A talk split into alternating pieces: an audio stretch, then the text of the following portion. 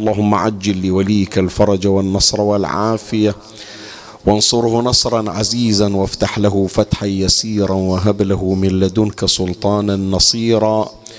رب اشرح لي صدري ويسر لي أمري واحلل عقدة من لساني يفقه قولي. يا كاشف الكرب عن وجه أخيه الحسين. اكشف كربي بجاه أخيك الحسين. نادي عليا مظهر العجائب تجده عونا لك في النوائب. كل هم وغم سينجلي بولايتك يا علي يا علي يا علي يا أبا الغوث أغثني. يا فارس الحجاز أدركني بلطفك الخفي ولا تهلكني. يا مولاتي يا فاطمة بنت محمد أغيثيني يا سيدتي يا صلى صلى الله عليك يا سيدي ويا مولاي يا رسول الله.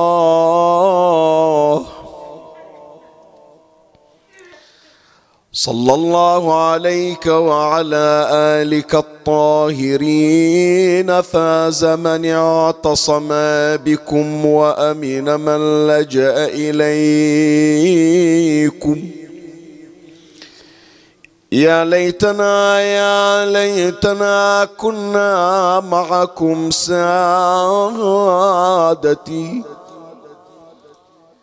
فنفوز فوزا عظيما. أعوذ بالله من الشيطان الرجيم. بسم الله الرحمن الرحيم. والعاديات ضبحا فالموريات قدحا فالمغيرات صبحا فأثرن به نقعا فوسطن به جمعا. إن الإنسان لربه لكنود وإنه على ذلك لشهيد وانه لحب الخير لشديد افلا يعلم اذا بعثر ما في القبور وحصل ما في الصدور إن ربهم بهم يومئذ لخبير. آمنا بالله. صدق الله مولانا العلي العظيم. بسم الله وعلى الله توكلنا. نبتدئ هذه السلسلة المباركة. والتي تحمل عنوان رسائل من قصار السور.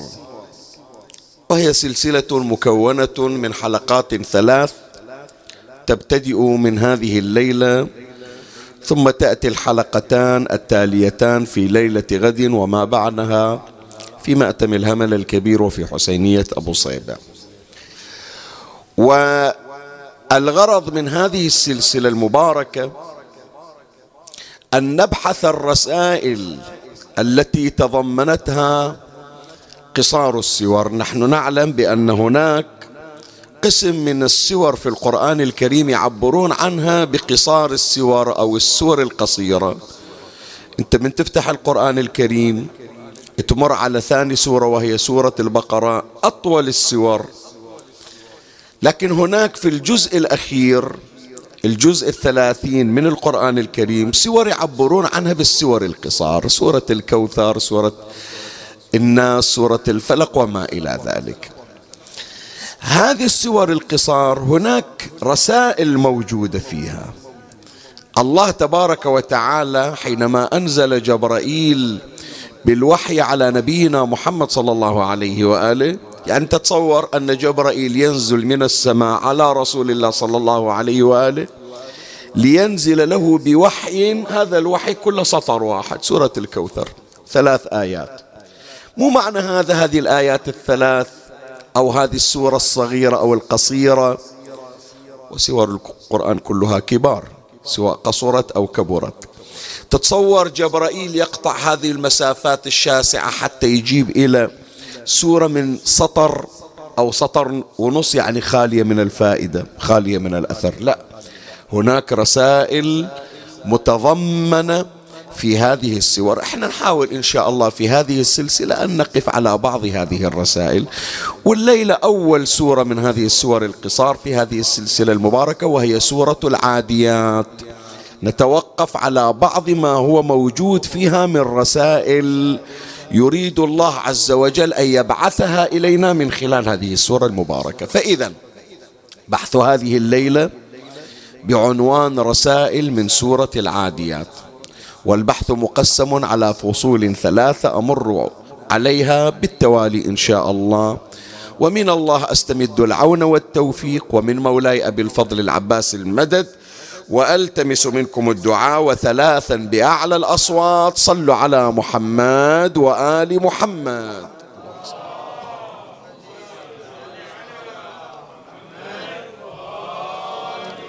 اللهم صل على محمد وآل محمد.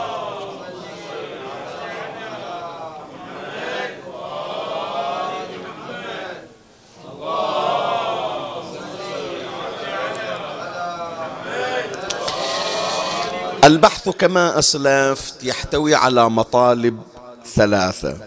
أما المطلب الأول فلا بد ونحن نمر على هذه السورة أن نقف على بعض المفردات والعبارات اللي يمكن تعتبر غامضة. يمكن إحنا باعتبار أنه دائما نمر على القرآن وعلى مفرداتها. نعرف هذه المفردات عندنا ثقافة قرآنية لكن أنا أحتمل أن أبنائي وأطفالي اللي يتابعون بتوفيق الله تبارك وتعالى هذه المجالس يمرون على هذه العبارات ما يعرفون. والعاديات ضبحا شنو يعني عاديات؟ شنو يعني ضبحا شنو يعني موريات؟ شنو يعني قدحا شنو كنود؟ شايف؟ فإحنا من حق هؤلاء ومن حقنا أيضا على أنفسنا أن نتوقف ومن حق السورة علينا أن نتوقف على هذه المفردات. ففي المطلب الأول سوف أوضح بعض المفردات الغامضة والغريبة وأشرح معناها. في المطلب الثاني إحنا ما نريد فقط أنه ناخذ رسائل السور وإنما نريد نشوف فضل هذه السورة. هذه السورة على وجه التحديد إحنا نعرف القرآن إلى أثر. كل القرآن له أثر وننزل من القرآن ما هو شفاء ورحمة للمؤمن. لكن كل سورة إلها ميزة. هناك يا إخواني بعض المؤلفات بعض الكتب كتبت في هذه في هذه الجوانب. مثلا سورة القدر شنو فائدتها إذا قريتها؟ سورة مثلا الإنسان إذا قريتها شو تحصل من أثر؟ سورة ياسين إذا قريتها شو تحصل فيها من أثر؟ سورة البقرة إذا قريتها شو تحصل فيها من أثر؟ كل سورة على وجه الخصوص لها فضل ولها أثر وهي مفتاح إلى أمور منغلقة وعالقة. ففي المطلب الثاني إن شاء الله سوف أمر على فضل هذه السورة المباركة. وأما المطلب الثالث سوف أشير إلى بعض الرسائل المتواجدة في هذه السورة المباركة. هذا تلخيص لبحث هذه الليلة. مولاي اسمعني وفرغ لي قلبك. وأعرني سمعك وأقبل علي بكلك. أما المطلب الأول ونوضح فيه بعض المفردات الغريبة. أول مفردة والعاديات. يسمونها السورة سورة العاديات. على اعتبار أول كلمة والعاديات.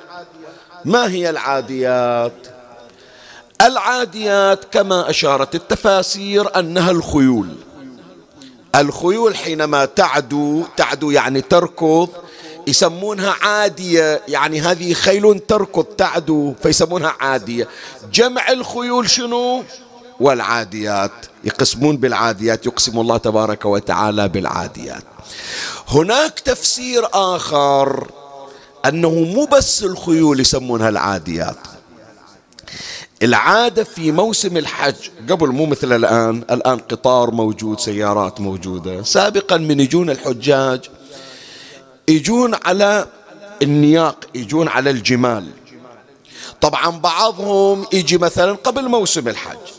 قبل لا يهل شهر ذي الحجة قبل لا تجي أيام الحج هو في مكة حتى ما يفوت الحج.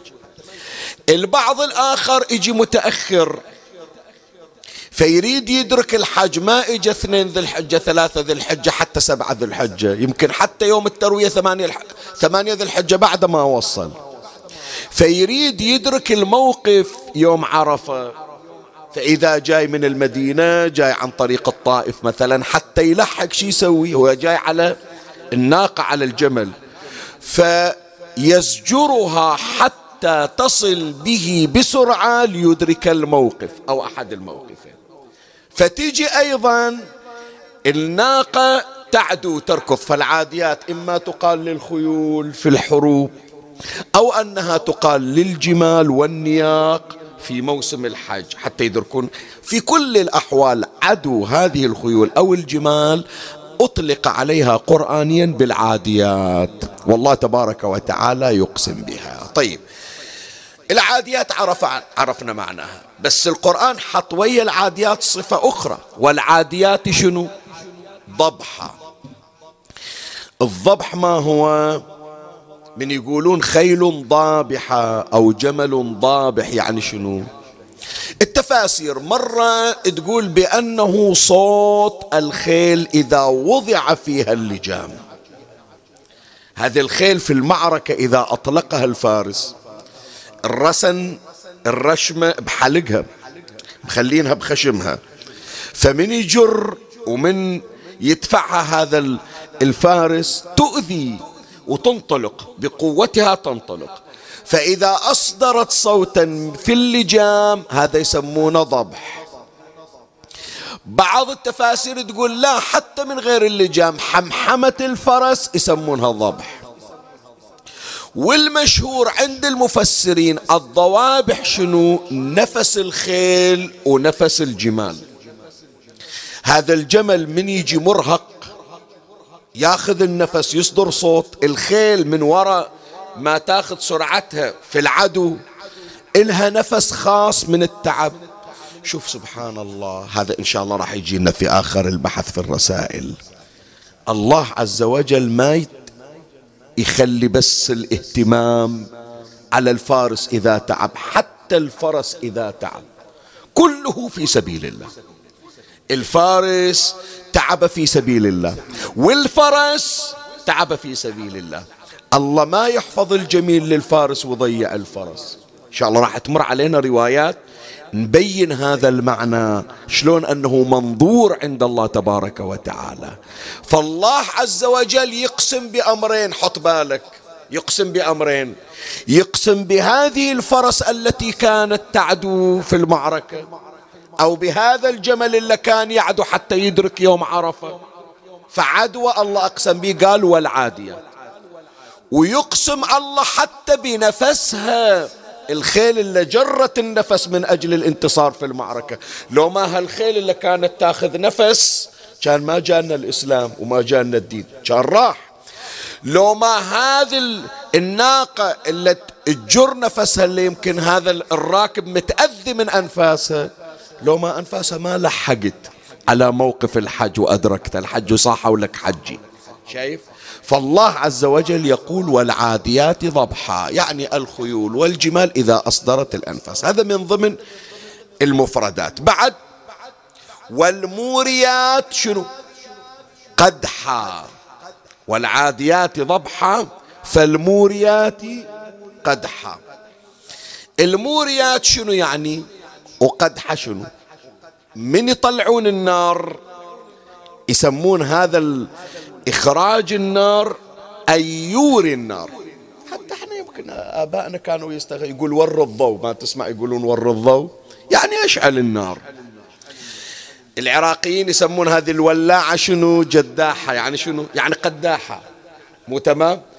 إصدار الشرار وإخراج النار يسمونه القدح. زين إيش جاية بالخيول إلى القدح. زين الخيل تطلع نار؟ ما تطلع نار. شلون يقسم الباري بأنها توري القدح؟ فالموريات قدحا إيه. هذه الخيول يحطون بحوافرها عزكم الله سنابك حدوة. وهذه الخيول في سورة العاديات كانت رايحة إلى مكان يسمونه وادي الرمل أو الوادي اليابس. الوادي اليابس هذا ملؤه حجارة. يعني مو تراب رمل لا حجارة. فمن إجت الخيول تركض الحدوة مال الحافر تضرب في الصخر شي يطلع؟ يطلع نعم تجدح شرار.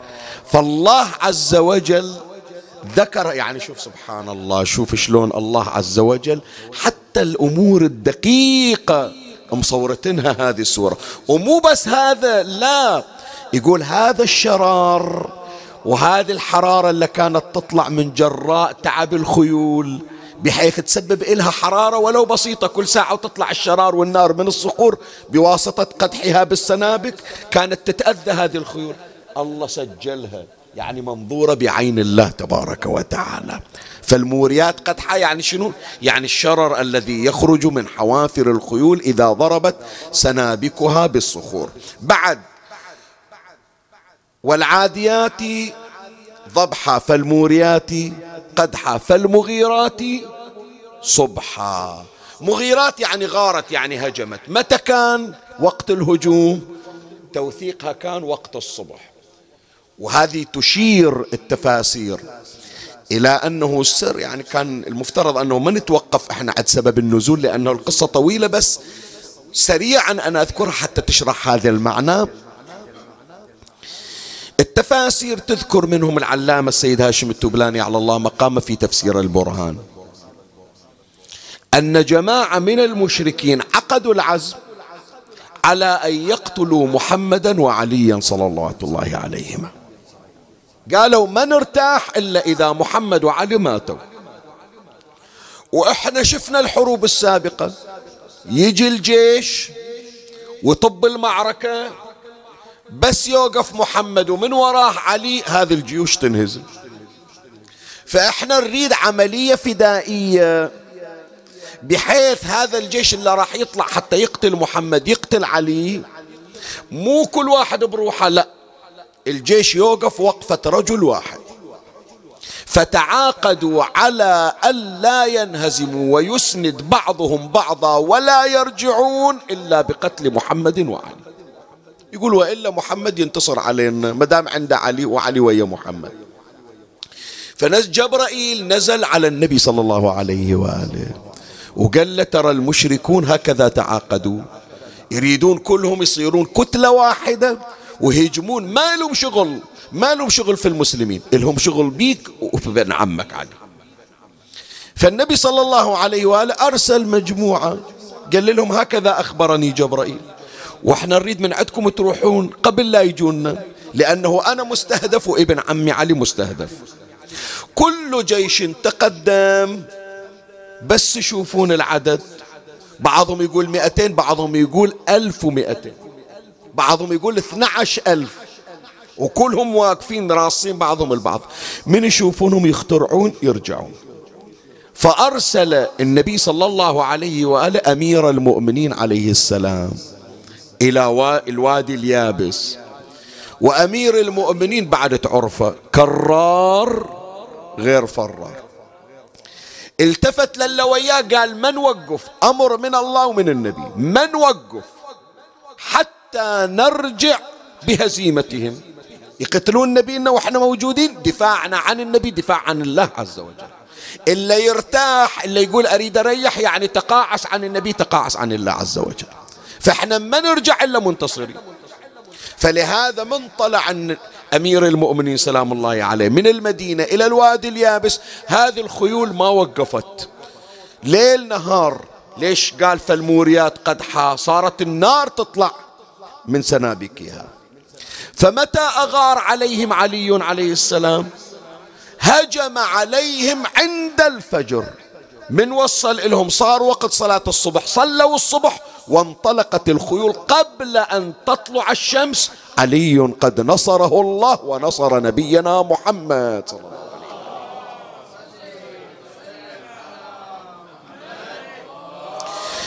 فإذا المغيرات صبحا يعني صار نصر علي بن أبي طالب عند الصباح. تقدمت الخيل صبحا. بعد أثرن به نقعا.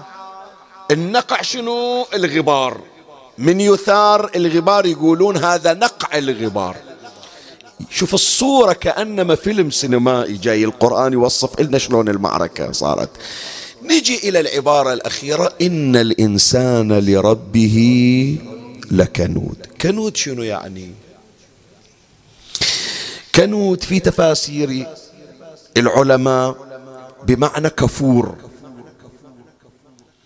لأن الله تبارك وتعالى أظهر ولاية أمير المؤمنين ونصر علي بن أبي طالب. أكو بعض الأشخاص مثل ما راح يمر علينا في الرسائل قلبهم أو قلوبهم كانت تغلي على أمير المؤمنين. وما يريدون علي ينتصر يقولون يا ريت يقتل ونرتاح من عنده. فأشار القرآن أنهم كفروا بالله حينما كفروا بولاية علي بن أبي طالب. هذا واحد من التفاسير أن الكنود هو الكفور. إما كفور بالله أو كفور بحب علي عليه السلام. تفاسير أخرى تقول لا الكنود شنو يعني؟ الكنود قاطع الخير. الكنود الشخص اللي يقطع الخير ما يريد الخير يجي يسمونه كنود. فلهذا من طلع أمير المؤمنين من المدينة قاصد إلى الوادي اليابس ما يريد يوقف. كل ساعة ويجون إلى علي بن أبي طالب. أبو حسين ارتاح شوي أنت تعبت. الخيل بعد اللي جاي عليها تعبت دوابنا تعبت خلنا نريح. وعلي مصر إلا أن يرجع بالنصر. فطيب أنت تعبان. أمير المؤمنين قال لهم إلا تعبان خله يروح إلى النبي. ويدور عذر إلى رسول الله. ليش إحنا جايين نريد النصر ونريد الدفاع عن النبي؟ تمنعونا من الخير.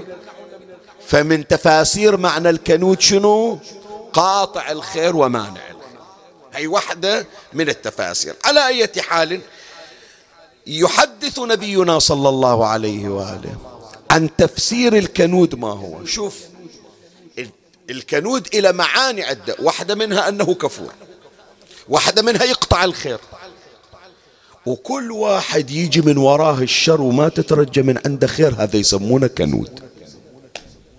يعني مو إلا الكنود لازم يجي على فرس حتى يقولون له كنود. ومو الكنود بس في معركة الوادي اليابس في سورة العاديات لا. ترى إلى الآن أكو أناس يحملون صفة الكنود. شوف ماذا يقول عن الكنود رسول الله صلى الله عليه وآله. قال رسول الله صلى الله عليه وآله أتدرون من الكنود؟ قيل الله ورسوله أعلم. اسمع. قال الكنود حط بالك احسبها على إيدك. هي ثلاث وحدات ثلاث صفات وصف النبي بها الكنود. قال صلى الله عليه وآله الكنود الذي يأكل وحده. هذا واحدة من صفاته. عنده خير. ما أدري ليش يعني يمكن بعضكم شافوها. يمكن بعضكم شافوا هذه المقاطع. جايبين له الذبيحة بكبرها على الصينية. مر عليكم هذا مقاطع لولا ما يجيب له مثلا وصلت لحم اللي تكفي. لا لا لا يجيب له الذبيحة. طيب جابوا لك الذبيحة. خلي المؤمنين من حولك يقعدون. لا لا لا أول آكل أنا. وإذا ترست بطني ذيك الساعة الباقي يجون يأكلون الفضل من عندي. شفتوا بعض من هالنماذج هالصور هذه لو ما شايفين إن شاء الله ما تشوفوا بس أكو ناس هالشكل ليش؟ يقول لك هذه وجاهة. هذه وجاهة حتى يبرد لا هذه مو وجاهة. هذا النبي صلى الله عليه وآله يسميه الكنود. كنود شنو؟ يعني مانع الخير. الواحد عمي إذا فتح ابواب الخير وأشرك الناس في الخير الذي جاه الله يبارك فيه. ليش يقولون كل مشروك شنو؟ مبروك. البركة يمكن أنت ما عندك بركة لكن هل جبته يمكن بي بركة. انفتح لك باب الرزق وإجاك الصحة والعافية مو من عندك ومو من الزاد. من هذا الطفل اللي خالي من الذنوب وقعدت وياك على السفرة. شايف؟ فواحدة من صفات الكنود النبي صلى الله عليه وآله يقول الذي يأكل وحده بعد ويمنع رفده. واحد جاي يدق الباب مستخدم جاي مسكين عطشان يخم الشارع ينظف الشارع ما عنده ما يدق الباب أعطونا قطرة ماء. يلا. يلا مو فاتحين سبيل. هذا النبي عبر عنه كنود. هذا من يقرأ سورة العاديات يعرف بأنه إن الإنسان لربه لكنود. هذا أنت. اللي منعت الناس عن الرفض بعد الصورة الثالثة شوية موجعة. قال والذي يضرب ويمنع رفض ويضرب عبدا جابوا لمستخدمة مسكينة ما إلى شيء. كلمة والثانية شال إيده وضربها. هذا سماه القرآن كنود. النبي وصفه بالكنود. اسمع إيش أقول لك؟ حط بالك إيش أقول لك. فعمي هذا اللي طفلة صارت عنده إعاقة بعينه بسبب ضربة أبوه. هذا كنود لو مو كنود؟ هذه اللي زوجته طرحت بالحمل بالشهر السادس بالشهر السابع. ويضربها زوجها ما يراعي أنها ضعيفة والنبي يقول رفقا بالضعيفين. ولا راح إلا في بطنها. شايف؟ وضربها وتسبب بإجهاض ما في بطنها أو طلع من بطنها معاق بسبب ضربة. هذا كنود لو مو كنود. النبي صلى الله عليه وآله يقول هذا هو الكنود. فذكر صفات. هذا المطلب الأول ذكرنا بعض المفردات الغريبة فيه. أما المطلب الثاني خلنا نشوف سورة العاديات ما فيها من فضائل. جنابك إذا الله وفقك تقرأ سورة العاديات. شو تحصل من أثار؟ خلي أذكر لك بعض من فضائلها واحدة من فضائل سورة العاديات أنها مجربة لسرعة قضاء الدين. الشخص اللي عليه دين والدين شايب يبهضه مرة يفكر يقول متى هالدين ينقضي؟ يقول يا ريت هالسنة ما تطلع إلا الديون اللي عندي كلها تصفرت وراحت. ومرة ما يفكر في قضاء الدين لا. يقول أريد ما أصبح من الصبح إلا ما علي قروض أكو ناس شكل من يحط راسه على المخدة يقول يا الله أصبح من الصبح وإذا يجي قرار أنه طاحت عنا القروض والديون كلها ونفتك. يعني يفكر مو في القضاء يقول يمكن أقدر أنا بالتسديد أقدر. صحيح. لكن أتمنى أنه قضاء الدين يأتي سريع. سورة العاديات مجربة ونافعة لسرعة قضاء الدين الحديث عن نبينا محمد صلى الله عليه وآله.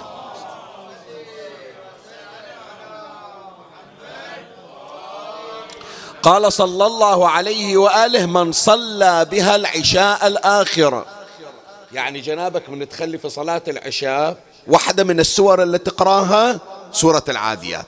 من صلى بها العشاء الآخرة عدل ثوابها نصف القرآن كأنما خاتم نص القرآن من يقرأ سورة العاديات. عدل ثوابها نصف القرآن ومن أدمن قراءتها وعليه دين أعانه الله تعالى على قضائه سريعا. ما يشوف وإذا هذا الدين كله اتأدى أو طاح من عليه بسرعة شنو السبب؟ بركات سورة العادية. وهذه يا إخواني من فيوضات رب العالمين. أنا أذكر يا إخواني مرة من المرات إحدى المؤمنات من قريباتنا. هذه يعني خلوها يعني من باب الفائدة الليلة. في المجلس إن شاء الله المجلس كله فوائد. إلا رايحين لزيارة مولاتي المعصومة رزقنا الله وإياكم زيارتها وزيارة أخيها الرؤوف. سلام الله عليه. من تجون عند الحرم الشريف هناك مقبرة يدفن فيها العلماء يسمونها مقبرة شيخون. وين وانت جاي؟ من عند فندق بين المللي فندق كريمة على إيدك اليسار هناك مقبرة. مدفون فيها الأولياء مدفون فيها العلماء مدفون فيها الفقهاء مدفون فيها الشهداء يسموها مقبرة شيخون. القبر الرئيسي في هذه المقبرة أحد من كبار علمائنا يسمونه السيد ميرزا القمي. رضوان الله عليه. إحنا ذكرناه في بعض المجالس المتقدمة من أهل العرفان. هذا عنده صلة خاصة ويا أمير المؤمنين. سلام الله عليه وقبر هذا السيد مجرب. قبر السيد مجرب مجرب. سواء وصلت إلى القبر أو ما وصلت. تقرأ له فاتحة تثوب إليه مجرب. اسمع إيش أقول لك مجرب. إن شاء الله إن الله وفقني. في إحدى المجالس أريد أرجع إلى سيرة سيد ميرزا القمي وما له من كرامات في حياتي وبعد مماتي. فهذه قريبتنا الله يذكرها بالخير.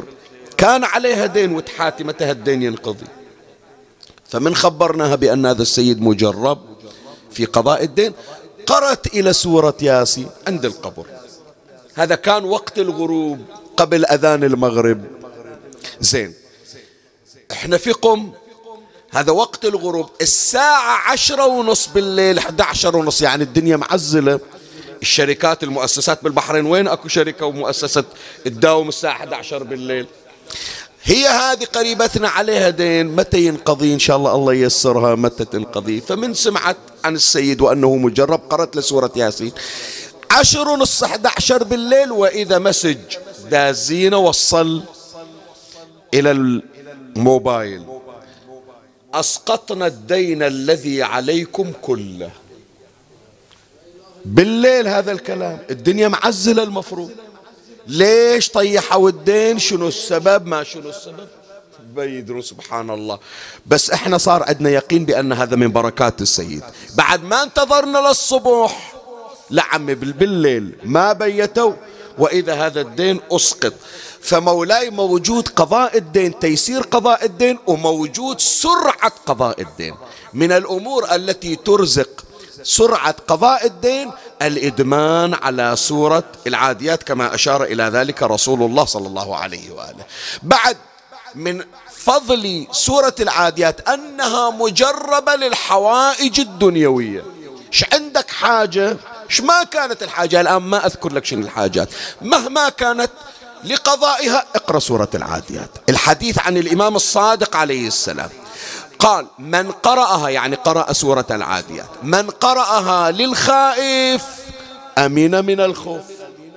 هذا اللي إذا من الأولاد أو واحد مثلا عنده من أهله من من مصاب مثلا بحالة الرعب أكو ناس شكل يصير عندهم رهاب. يخترع يتخوف دائما يصير في اضطراب في قلق لسبب من الأسباب. شيخنا شو نسوي له؟ واحدة من الأمور ما أشار إليها الإمام الصادق عليه السلام. أن يقرأ سورة العاديات. من قرأها للخائف يعني لو يقرأها هذا الخايف أو لو عندك طفل أو واحد خايف تقرأ عليه سورة العاديات. من قرأها للخائف أمين من الخوف وقراءتها للجائع يسكن جوعه. والعطشان يسكن عطشه يعني سورة العاديات مجربة للحوائج الدنيوية. بعد من فضائلها حتى نختم هذا المطلب الثاني. شوف ثواب سورة العاديات. خلي أقول لك قبل لا أقرأ لك الرواية إيش تتصور يعني حجم ثواب قراءتها؟ قد؟ حط في بالك أنت تصور من تقرأ سورة العاديات يعطيك الله من أجر وثواب؟ اي إحنا أملنا في الله لا حد له ورحمتي وسعت كل شيء. شوف الحديث عن رسول الله صلى الله عليه وآله. يعطينا معادلة حتى تقدر توصل إلى أجر وثواب قراءة سورة العاديات. قال من قرأها الحديث عن النبي صلى الله عليه وآله. من قرأها أعطي من الأجر عشر حسنات بعدد من بات بالمزدلفة وشهد جمعا. شوية خلي أوقف وياك عند العبارة. أولا ليش قال النبي صلى الله عليه وآله بعدد من بات في بالمزدلفة؟ ليش ما قال بعدد من وقف بعرفة؟ تمام لو لا؟ ليش قال من بات بالمزدلفة؟ لأنه قد واحد ما يلحق على عرفة. عندنا الموقف الاضطراري عند الفقهاء. يمكن واحد اجى إلى الحج ما لحق يجي من أول الحج حتى يوم عرفة فاته. فراح عوض بالموقف الاضطراري في مزدلفة. يعني كل من حج. جنابك احسب كل من حج من أول ما صار الحج حتى هذه الساعة وإلى يوم التالي. وعدد الذين صلوا يوم الجمعة. كم واحد صلى يوم الجمعة؟ الحساب عليك. فأنت مولاي عدد الحجيج زائد عدد الذين صلوا في الجمعة ضرب في عشرة بعشر حسنات هذا ثوابك إذا قرأت سورة العاديات. شقد حسنات تصير عندك؟ شقد أجر شقد ثواب. هذا كله يستعرض فضل سورة العاديات وقراءة سورة العاديات وإدمان سورة العاديات. بذلك نكون قد أنهينا مطلبين خلي أجي وياك إلى المطلب الثالث والأخير وهو صلب البحث الرسائل المستفادة من سورة العاديات. أول رسالة يا إخواني سورة العاديات. حط بالك إيش أقول لك. سورة العاديات جاءت لتوثق بطولات أمير المؤمنين علي بن أبي طالب. سلام الله عليه. يعني. هذه السورة من الرسائل المتضمنة فيها توثيق إلى بطولات علي. القضية مو بس قضية الخيول وموريات قدحة. هو من اللي جعل الخيول؟ من الذي قاد الخيول؟ النصر اجى إلى منو يا جماعة؟ للخيل لو للفارس اللي على الخيل. إيه. فهي هذه السورة المباركة. إحدى النصوص القرآنية التي جاءت توثق بطولات أمير المؤمنين سلام الله عليه.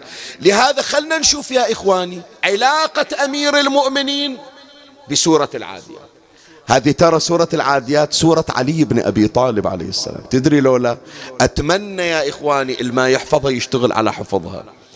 وتعلمون أولادكم الإدمان عليها. تعال شوف الإمام الصادق عليه السلام ماذا يقول. حتى أراويك شلون سورة العاديات تجعلك مرتبطا بأمير المؤمنين عليه السلام. قال الإمام جعفر الصادق صلوات الله عليه ومن قرأ والعاديات وأدمن قراءتها بعثه الله مع أمير المؤمنين عليه السلام يوم القيامة خاصة. هذا جابوه يوم القيامة ويا أمير وين ما يروح علي هو ويا علي. ليش مسوي؟ يمكن حتى النجف ما واصل إلها. لا أدمن على قراءة سورة العاديات. لا شوف العبارة اللي أكثر اللي تشوقك إلى قراءة سورة العاديات حتى تحصل هذا الأجر. اسمع. قال وأدمن من ومن قرأ والعاديات وأدمن قراءتها بعثه الله مع أمير المؤمنين عليه السلام يوم القيامة خاصة وكان في حجره. الله أكبر. يعني علي مو بس يمشي وياك ترى. لا يضمك أمير المؤمنين. يخليك بحضنه يحاذر عليك من كل ضيق ومن كل سوء. وكان في حجره ورفقائه. هذه يذكرها الشيخ الطبرسي على الله مقامه في مجمع البيان. بعد وقال الإمام الصادق عليه السلام حتى تعرف شلون سورة العاديات؟ هي سورة علي عليه السلام. قال ولما نزلت السورة خرج رسول الله صلى الله عليه وآله إلى الناس فصلى بهم الغداة يعني صلاة الصبح وقرأ فيها والعاديات أول مرة يقرأها النبي بعدهم ما سامعينها المسلمين. فلما فرغ من صلاته قال أصحابه هذه سورة لم نعرفها ما مرت علينا.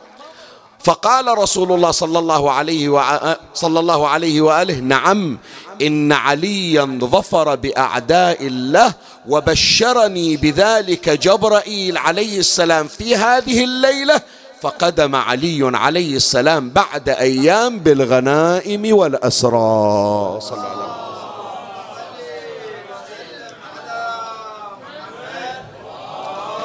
فسورة العاديات يا أحبائي هي بشارة جبرائيل عليه السلام لرسول الله صلى الله عليه وآله بانتصار علي بن أبي طالب عليه السلام. شوف إحنا نقول بأن سورة العاديات توثيق إلى بطولات علي. شوية ما يخالف. الليلة خلي قلبك نوعا ما متسع ودائما قبلك قلبك عند السعة وإن شاء الله. واقبل من عندي هالكلمة. شو تشوفون يا أحبائي؟ ما تلاحظون بأن كثير أقول كثير من منابرنا أجحفت ذكر بطولات أمير المؤمنين وحروب علي بن أبي طالب. أنت الآن أصفن وفكر. قل لي كم مرة ذكرت غزوة خيبر؟ كم مرة ذكرت قصة رد الشمس؟ سابقا آبائنا أجدادنا الخطباء من الرعيل الأول. لا يكاد يمر شهر فيه منبر حسيني إلا وتذكر قضايا حروب علي بن أبي طالب. لا يكاد يمر مجلس إلا وفيه ذكر بطول حتى أيام شهادة أمير المؤمنين يا إخوان. ثلاث ليالي الوفاة إذا يمكن قصروا سائر الأيام. ليالي الشهادة لابد أن تذكر ضربات علي بطولات علي.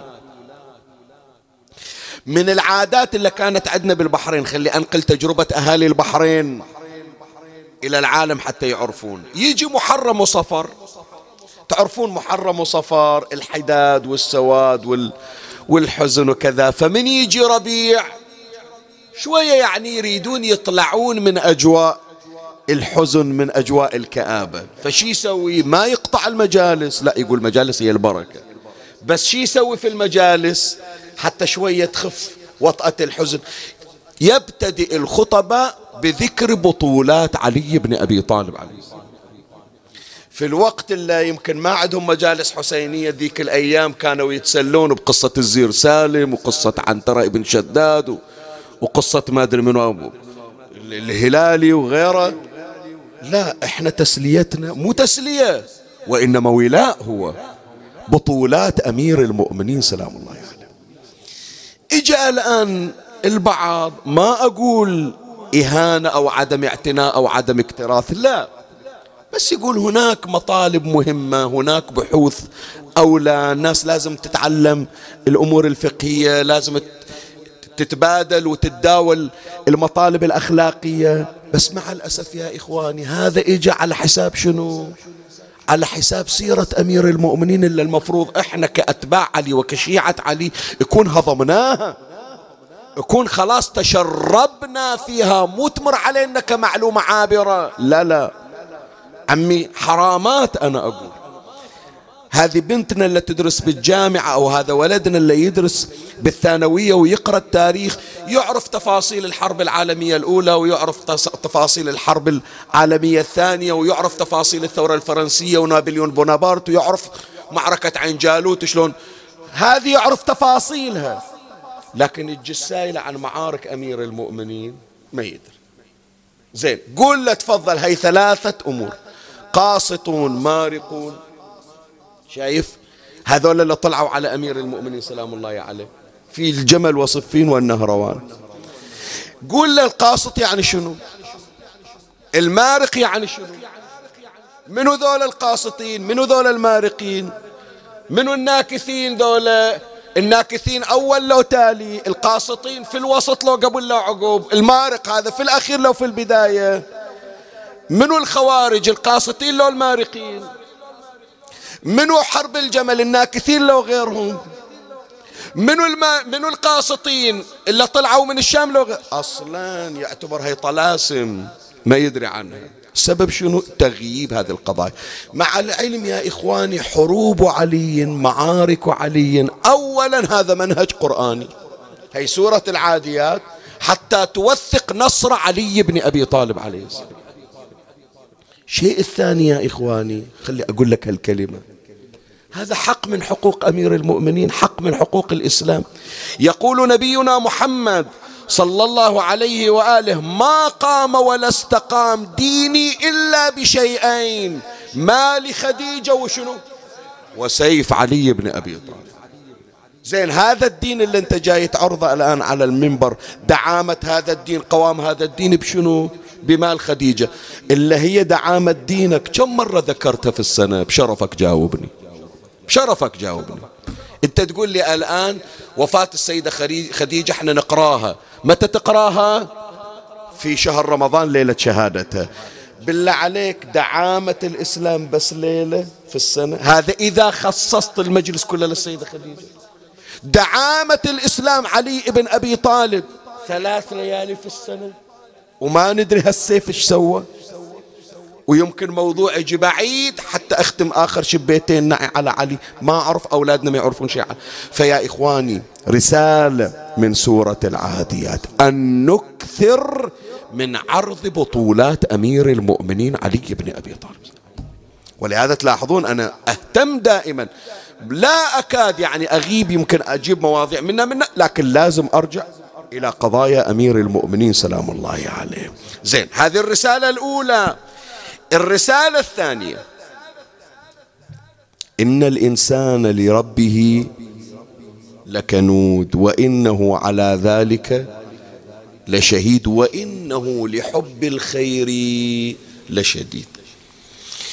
القرآن يجي يقول إلنا مثل ما موجود قلوب تحب الخير اكو قلوب والمستجار بالله تمنع الخير. حط بالك للكلمة. اكو قلوب سبحان الله ما يعرف يرتاح إلا يروح يسأل. اكو احد محتاج شيء؟ اكو احد أقدر أساعده؟ جابوا له شيء؟ هذه الحاجة اللي كانت سبب بركتنا يا إخواني. شهر رمضان يعلمنا شلون أنه نتشارك في الخير. طبخة وهريس قال ودوا لبيت الجيران. سووا مائدة قال ودوا لفلان وفلتان. شايف؟ نتقاسم في الخير. هذه راحت بعدين. ما راحت لكن إن شاء الله تزيد. ما نريدها تقل نريدها تزيد. حتى نكون من الذين يحبون الخير. بالمقابل أكو واحد ساد الباب على نفسه. الخير اللي يجيه إلى بس حتى أهله ما يذوقون من الخير. هذا مو بس مانع الخير لا يصير قاطع الخير. شلون؟ إذا سمع واحد يريد يسأل شو وداك أنت؟ شو وداك ضم فلوسك إلى أن باش... هاي كلها خساير. خساير؟ عمي مو خساير هذه. ما أدري مع العلم هذا مو محضرة بس أنا إجت الآن ببالي ببركات أهل البيت سلام الله عليهم. مرة من المرات واحد من أصحاب الإمام الصادق عليه السلام. شوف هذا مع العلم أنه بحسن نية. الرواية موجودة يذكرها المحدث النوري في مستدرك الوسائل. جاء إلى الإمام الصادق عليه السلام يخبره يقول له اليوم واحد من جماعتنا من ربعنا من الشيعة فقير أعرفه على قده ناوي يروح الحج المستحب مو حج واجب الحج المستحب. فأنا قلت له شو توديك الحج المستحب وغيره؟ ضم فلوسك إلى نفسك وإلى جهالك. شو يقول للإمام الصادق عليه السلام؟ حقيق أن يصيبك المرض حولا كاملا. مو يوم يومين سنة كاملة ما بتقوم من على فراشك ليش تمنعه؟ يمكن روحته إلى الحج تفتح له باب الخير. ليش الإمام سلام الله عليه يقول حجوا واحتمروا واعتمروا تصح أبدانكم ويوسع في أرزاقكم. يمكن راحت إلى الحاج الله يبارك برزقك إيه وإنت ليش تقطع عليه؟ إنت ليش تمنع عليه؟ إنت شنو إنت؟ شايف؟ قال له راح تشوف. ليش سنة كاملة صار مريض؟ حتى يتأدب ما يصير قاطع للخير. أكو ناس يا إخواني هالشكل. شوف في هذه المعركة معركة الوادي اليابس. هذا درس درس لقاطع الخير. علي بن أبي طالب عليه السلام سمعت في أول المجلس يريد يوصل من أجل الانتصار. وياهم منه في الجيش عمرو بن العاص. قلبه يحترق. لا يريد يأذي روحه. واللي أزيد من أذى روحه ما يريد علي يرجع منتصر يرفع راسه. باكر يقولون علي الشجاع وهو الجبان. فش قام يسوي؟ اجى إلى أمير المؤمنين عليه السلام. قال له أبو حسين قال له عندك؟ قال له هذا الطريق لو تغير أحسن لأني سمعت بأن هالطريق في سباع وأنا خايف عليك. وين خايف عليه؟ خايف على نفسك مو خايف عليه. فإحنا على الأقل خلنا نتأخر خلنا نبيت خلنا كذا إلى أن نتأكد بأن الطريق خالي من السباع. خلي أقرأ لك الرواية. الرواية كما يذكرها العلامة المجلسي في بحار الأنوار. قال عمرو بن العاص لم يرد لعلي أن ينتصر فادعى أن الطريق مسبع. قال عليه السلام أمير المؤمنين رد عليه قال من كان طائعا لله ولرسوله منكم فليتبعني. ومن أراد يعني اللي يريد الخير حيا يقول أنا أنا جاي من أجل الخير. ما يريد الخير هذا الدرب خليه يرجع. قال علي عليه السلام من كان طائعا لله ولرسوله منكم فليتبعني.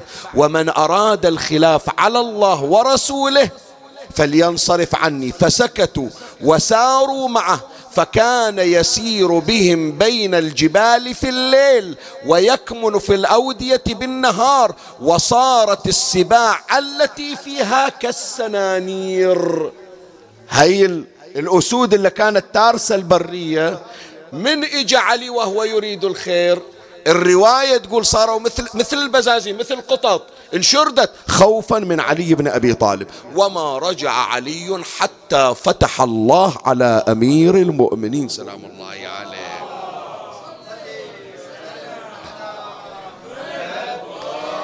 فشوف هذا عمرو بن العاص نموذج قاطع الخير. زين وإنه لحب الخير لشديد. الرواية عن الإمام الباقر عليه السلام يذكرها العلامة السيد هاشم التبلاني على الله مقامه في تفسير البرهان قال وإنه لحب الخير لشديد. قال ذاك أمير المؤمنين. علي بن أبي طالب سلام الله عليه. ماكو خير يجي لعلي إلا أول يبدل الناس على نفسه وعلى عياله. فيا إخواني هذه رسالة أخرى أن نكون ممن يحب الخير للناس. شوف الليلة حط بالك عمي. خلاص راح نختم الآن حديثنا. الليلة من تقرأ سورة العاديات إن شاء الله تتوفق لقراءتها أفلا يعلم إذا بعثر ما في القبور وحصل جي بالقبر إلى الصدر؟ فكر فيها. هذه الليلة تأمل فيها. جي بالقبر إلى الصدر؟ القبر يا إخواني تحوي جنائز جيف صحيح لو لا ترى أكو بعض الصدور والمستجار بالله تحوي أنتن من الجيف شوف شوف الرابط شلون. شلون أنت جنابك تجي إلى بعض القبور؟ هذا الجثة اللي في القبر تحللت ترى أكو بعض النفوس والعياذ بالله مثل القبر بل أسوأ من القبر. لو تكشف عن قبره لو تكشف هو عن قبره بعد ليش أقول عن قلبه؟ عن قبره بعد. لأنه مو قلب قبر. لوجدت من الحقد والكراهية على الآخرين ما هو أنتن من الجيفة في القبر. فذكر أفلا يعلم إذا بعثر ما في القبور وحصل ما في الصدور. فكن محبا للخير كعلي بن أبي طالب عليه السلام. ولا تكن قاطعا للخير كعمر بن العاص. هاي الرسالة الثانية؟ الرسالة الثالثة وهي ختام المجلس. ذكرنا يا إخواني أن الله عز وجل ابتدأ بالقسم بالعاديات وذكر معاناة هذه الخيول إذ أنها تتنفس بشدة فقال والعاديات ضبحا. وذكر الحرارة التي كانت تصيبها في حوافرها من جراء النار والشرر الذي يخرج إذا احتكت السنابك بالصخور. فقال والموريات قدحا فالموريات قدحا. شايف؟ وذكر ما في هذه ليش؟ قلت لك الله عز وجل يثمن كل ما يبذل في سبيله حتى ولو كان من بهيمة. وعلى هذا جاء أهل البيت عليهم السلام. حسين عطشان ثلاثة أيام. إي والله. ووصل للنهر وطب النهر وشوف الفرس اللي كان صاعد عنه شوف شوف سورة العاديات عند الحسين. قال يا يا جواد أنت عطشان؟ وأنا عطشان. لكن ما شربت الماء حتى تشرب. يقول إحنا مربنا القرآن. مربنا الله عز وجل بأخلاق الله تخلقوا بأخلاق الله. شلون قلبي ينطيني أشرب؟ شوف البهيمة فهمت. فرفع الفرس رأسه. قال لا كان يقول ما أشرب يا أبو علي. هكذا كان أهل البيت. إمامنا زين العابدين على فراش المرض. بعض الروايات الشيخ المازندراني في نور الأبصار يقول صار زين العابدين جلده على عظمه. انتحل انتحل. تدري شي يفكر زين العابدين في آخر لحظاته؟ مسك الختام خلي أقرأ لك. الإمام الصادق روايته.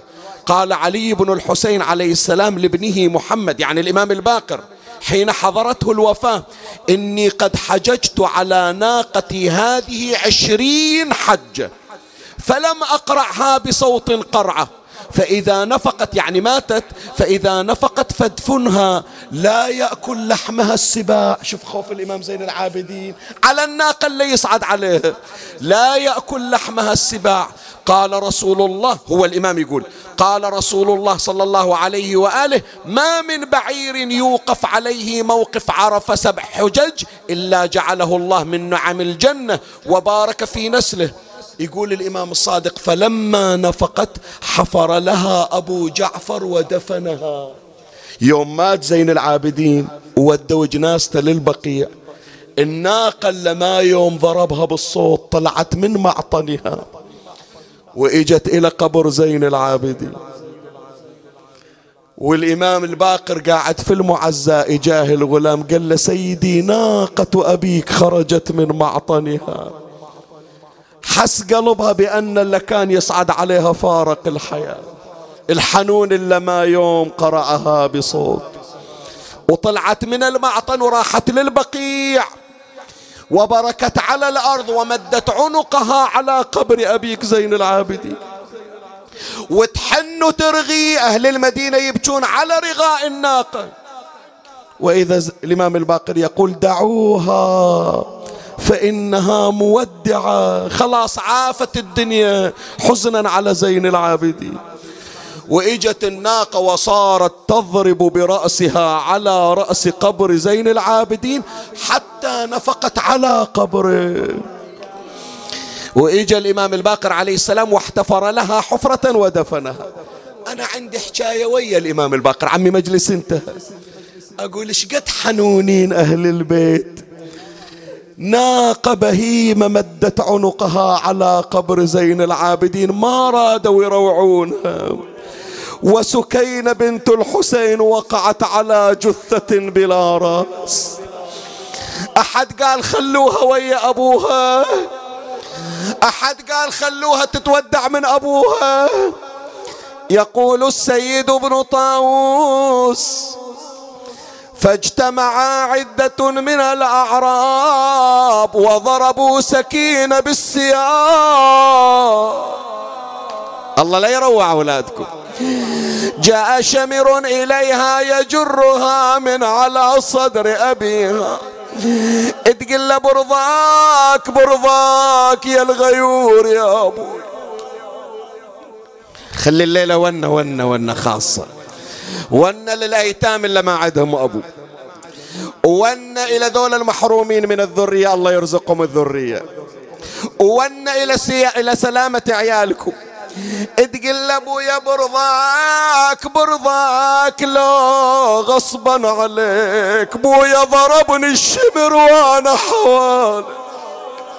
سمعني صوتك لو لا. إيه يا أبويا ضربني الشمر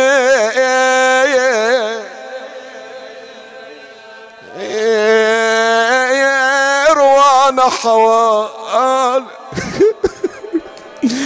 بويا بويا ندري أنا ادري الغيرة ما تخليك ما تخليك لكن معذور يا الحزة وريد بأعلى صوتك وين؟ معذور يا الحزة يا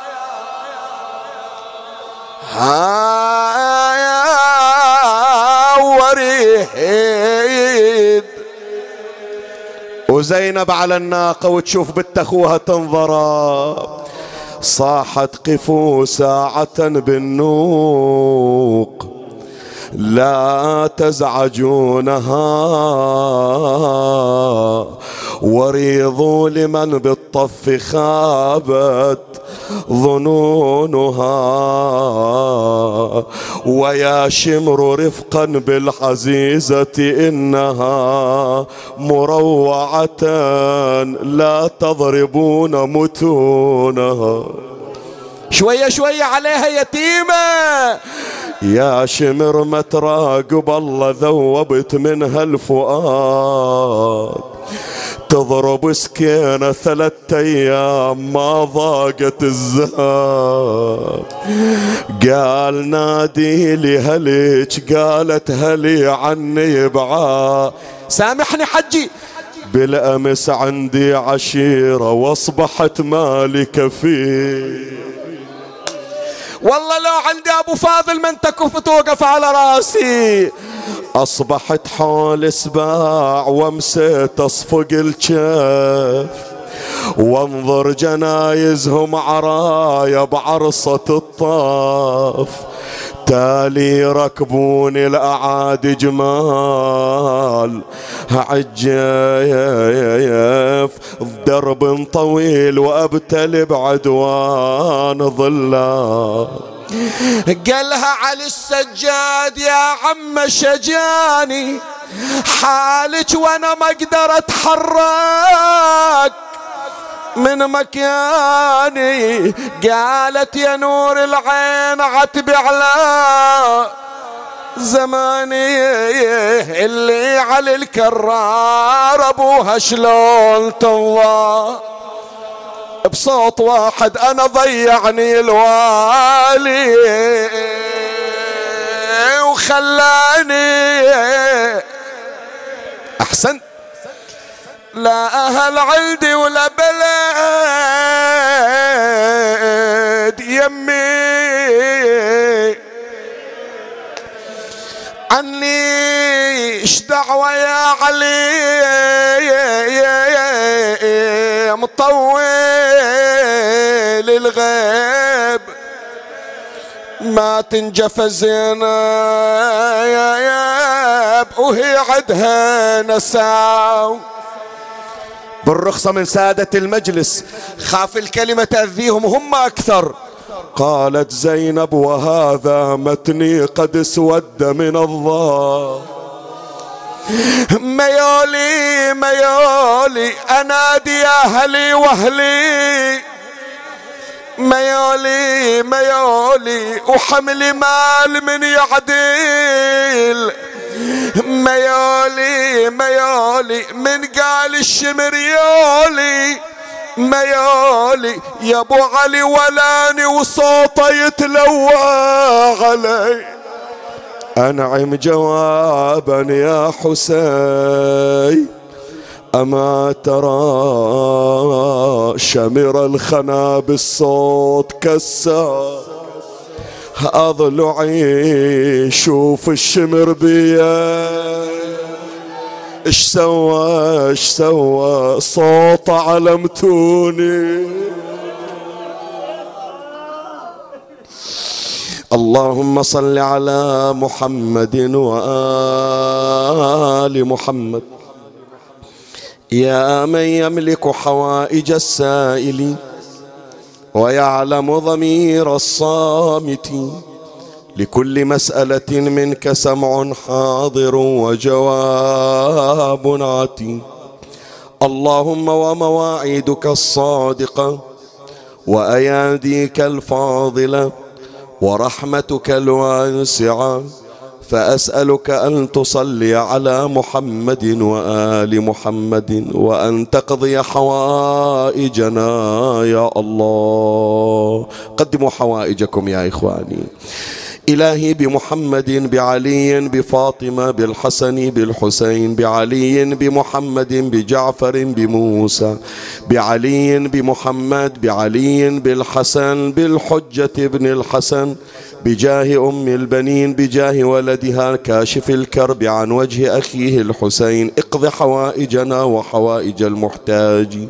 فرج عنا وعن المؤمنين سيما من سألنا الدعاء يا رب العالمين. عجل اللهم فرج إمامنا صاحب العصر والزمان.